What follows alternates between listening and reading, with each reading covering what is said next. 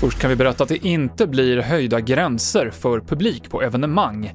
Regeringen hade föreslagit att 500 personer i sittande publik skulle bli tillåtet, men det ligger alltså kvar på 50 personer, det meddelades nyss.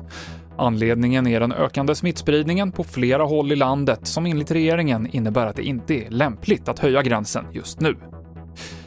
Vi fortsätter med Nobelpriset i litteratur som presenterades för en stund sedan. Nobelpriset i litteratur år 2020 går till den amerikanska poeten Louise Glück för hennes omisskännliga poetiska röst som med sträng skönhet gör den enskilda människans existens universell. Den amerikanska poeten Louise Glück är alltså årets nobelpristagare i litteratur. Kommentarer om det här på TV4 Play. Och Norges kung Harald ska opereras.